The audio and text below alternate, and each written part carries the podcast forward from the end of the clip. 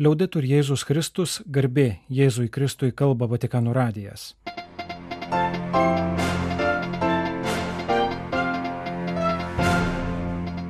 Malonus klausytojai šioje programoje. Trečiadienio katechezija Pranciškus pristatė apaštalinio ulumo ir krikščioniško nuseklumo pavyzdį - Matėjo Ryčį, jėzuitą. Paminėjo Marijos šventę, priminė maldą už Ukrainą. Naujos Vatikano muziejų erdvės - pakistanietis krikščionis nuteistas mirties bausme.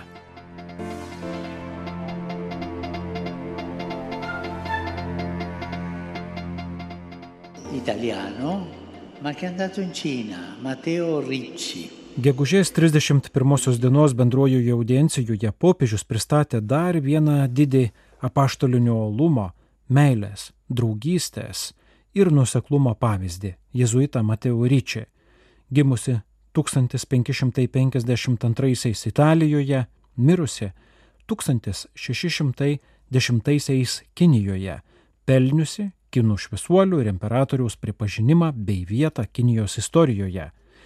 Jaunasis Mateo Ryči priminė popiežius Pranciškus gimė Mačeratos mieste, centrinėje Italijoje, Markės regione.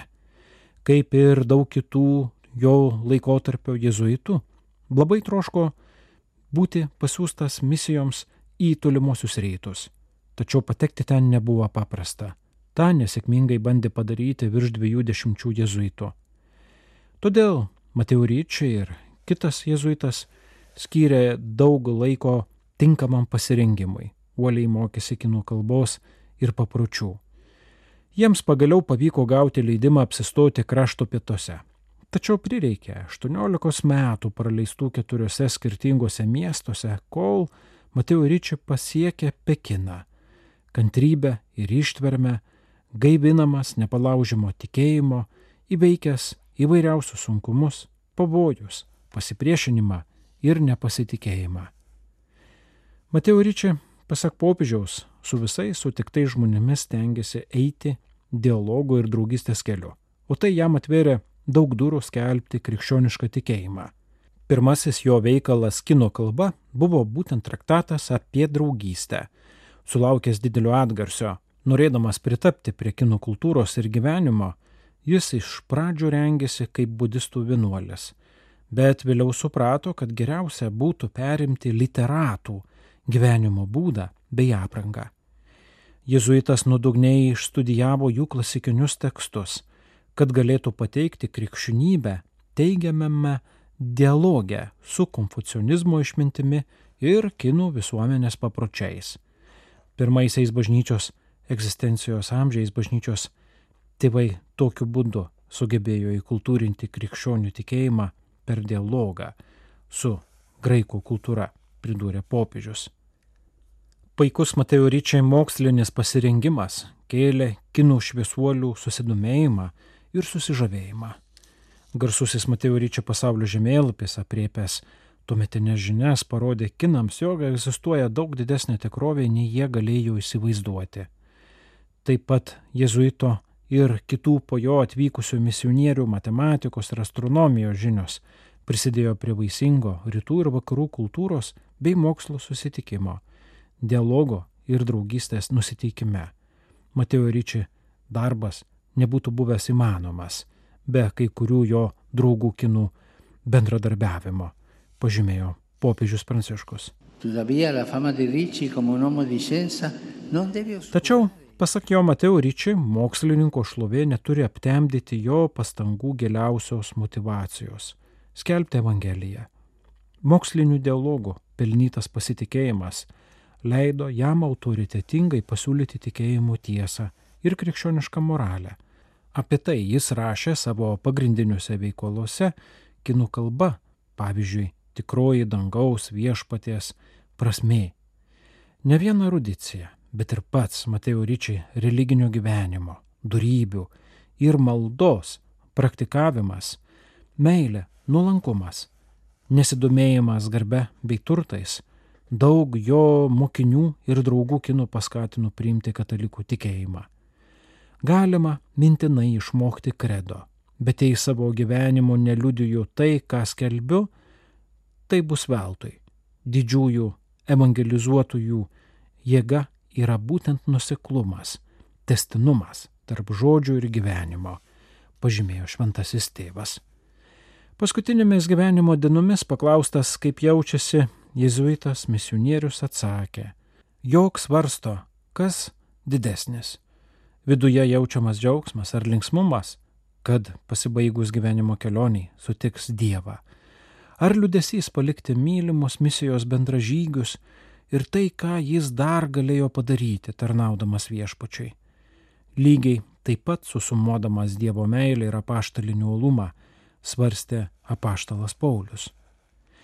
Mateo Ryčiai mirė Pekine 1610 metais, sulaukęs 57 metų amžiaus, atidavęs visas jėgas misijai. Jo gyvenimo pavyzdys yra aktualus ir gyvas modelis tiek meilė tautai, kurios tarpe apsigyveno, tiek krikščioniško gyvenimo nuseklumo. Jis nusipelno pripažinimo ir vadinimo didžiu, nes buvo didis mokslininkas, buvo drasus žmogus, parašė daug knygų, bet ypač todėl, kad nusekliai gyveno pašaukimu sekti paskui viešpati Jėzų Kristų. Fratelli e sorelle, oggi noi, ognuno di noi, domandiamoci dentro. Broliai seserys, šiandien kiekvieną savo viduje paklauskime. Sono coerente o sono un po' così così? Esu nuseklus ar gyvenu šiaip savo. Trečiadienio katechezija sakė Pranciškus. Paskutinę gegužės mėnesio dieną priminė popiežius Pranciškus trečiadienio bendrojoje audiencijoje bažnyčios liturginėme kalendoriuje minėta švenčiausiosios mergelės Marijos apsilankimo pas Elžbietą šventė. Žvelkite į ją ir prašykite vis drąsesnio tikėjimo dovanos. Marijos motiniškam užtarimui pavedame visus, kuriuos išbando karas, ypač brangę ir iškankintą Ukrainą, sakė Pranciškus. Trečiadienį taip pat baigėsi Marijai skirtas specialaus pamaldumo minuo.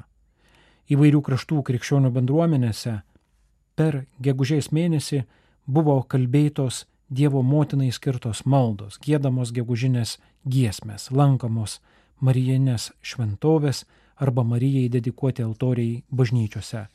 Tai vadinamosios liaudės pamaldumo praktikos, kurių ištakos yra viduramžiuose ir kurios ypač paplito XVIII ir XIX amžiuose, ypač jezuitų pamokslininkų dėka. Kodėl gegužė, pavasario ir žydėjimo minuo? Dievo motina pamaldumo tradicijose dažnai buvo prilyginama gražiausiam iš žiedų, gražiausiai rožiai tarp kitų rožių. Marijinės maldos, pamaldumo veiksmai, pamaldžių darybų praktika buvo prilyginama gėlių puokštėms žiedų pynėms iš čia ir rožinio pavadinimas.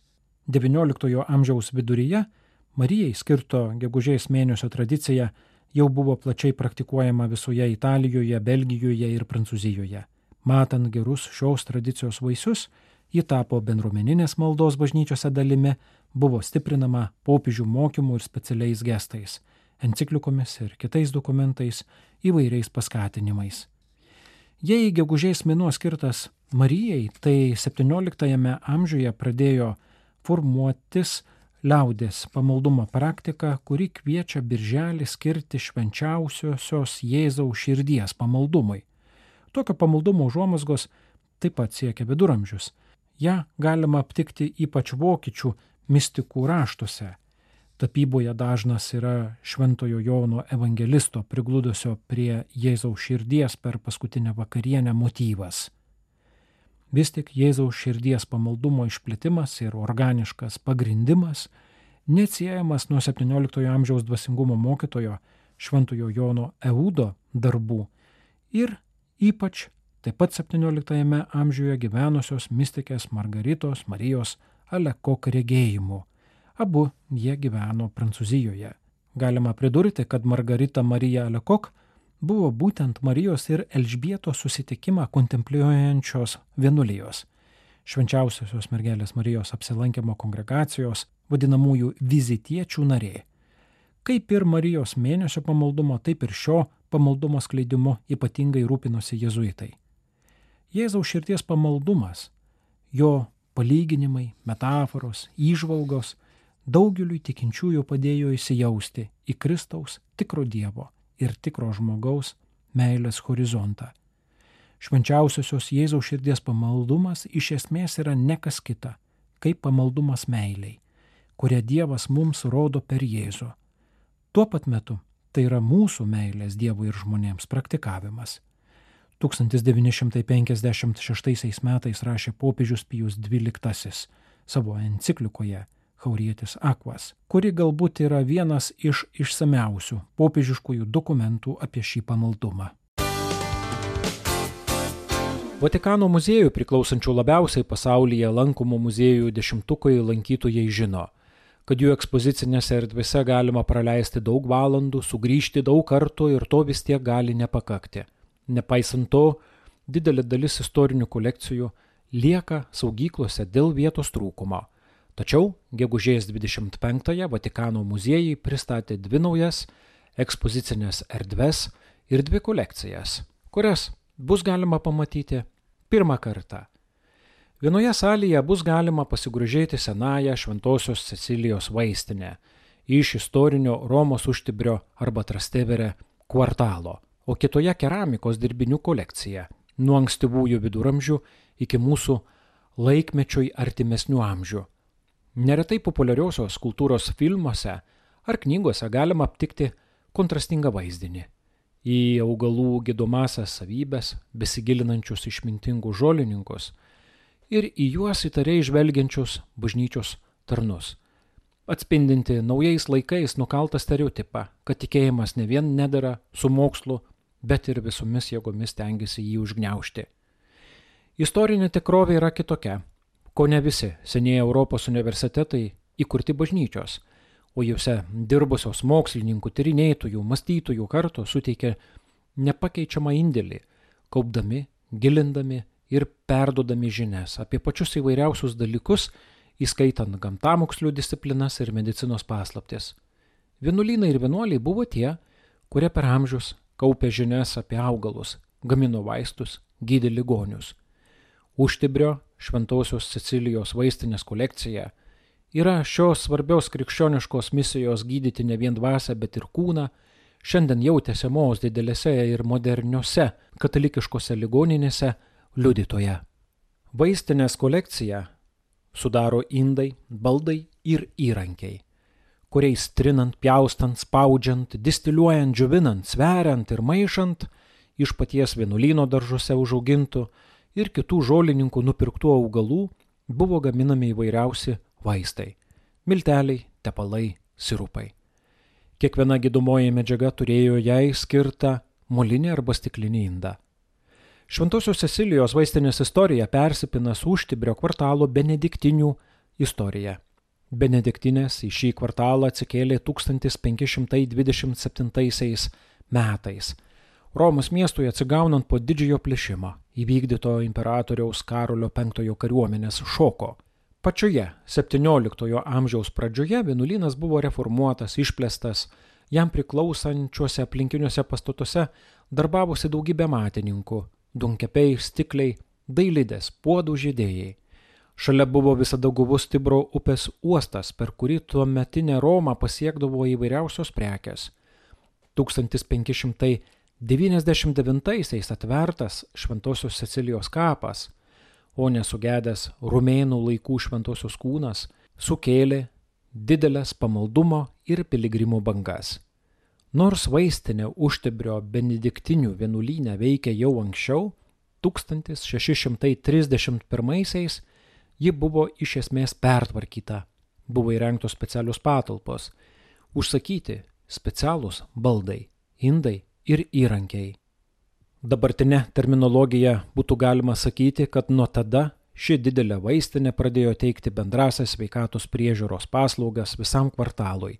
Vaistinė veikė tris šimtmečius, kol 1936 metais visa jos įranga buvo perkelta į Vatikano apaštalinę biblioteką.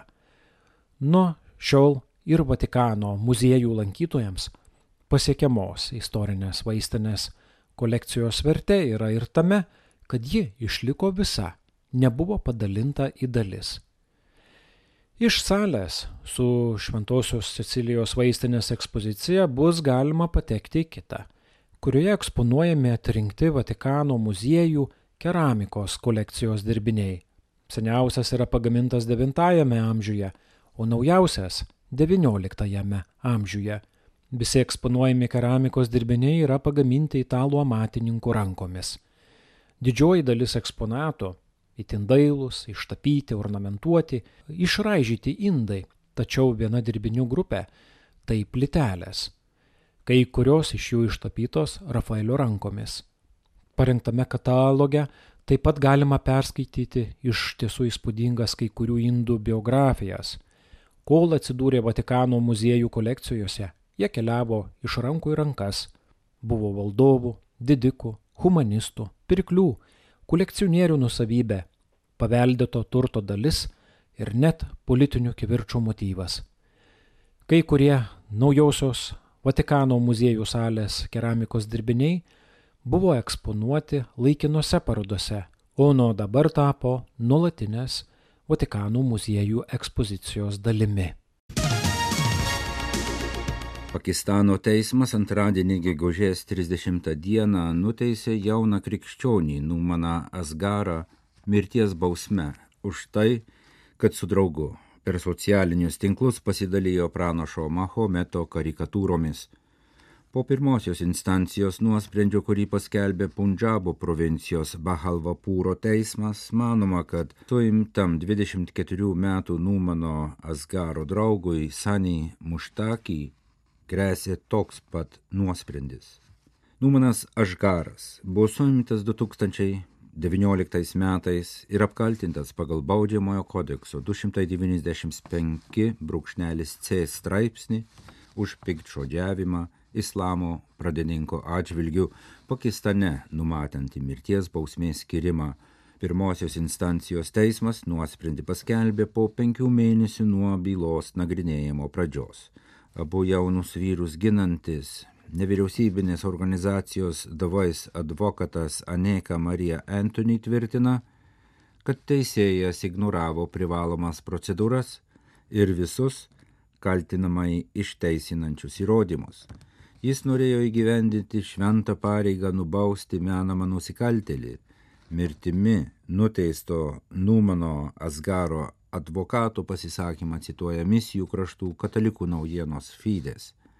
Advokato žiniomis karikatūras jaunuoliams pasiuntė musulmonas jaunuolis vardu Bilal Akmadas, kurio atžvilgiu Pakistano policija nesijėmė jokių veiksmų. Anot kaltinamųjų advokato, tai dar vienas pavyzdys, kaip piknaudžiaujama pikdžodžiavimo įstatymu.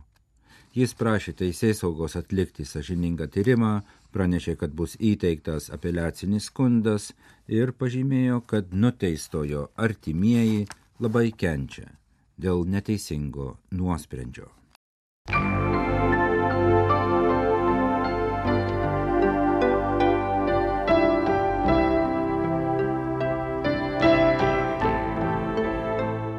Malonus klausytojai laidą lietuvių kalba baigiame. Kalba Vatikano radijas. Garbė Jėzui Kristui, liaudai turi Jėzus Kristus.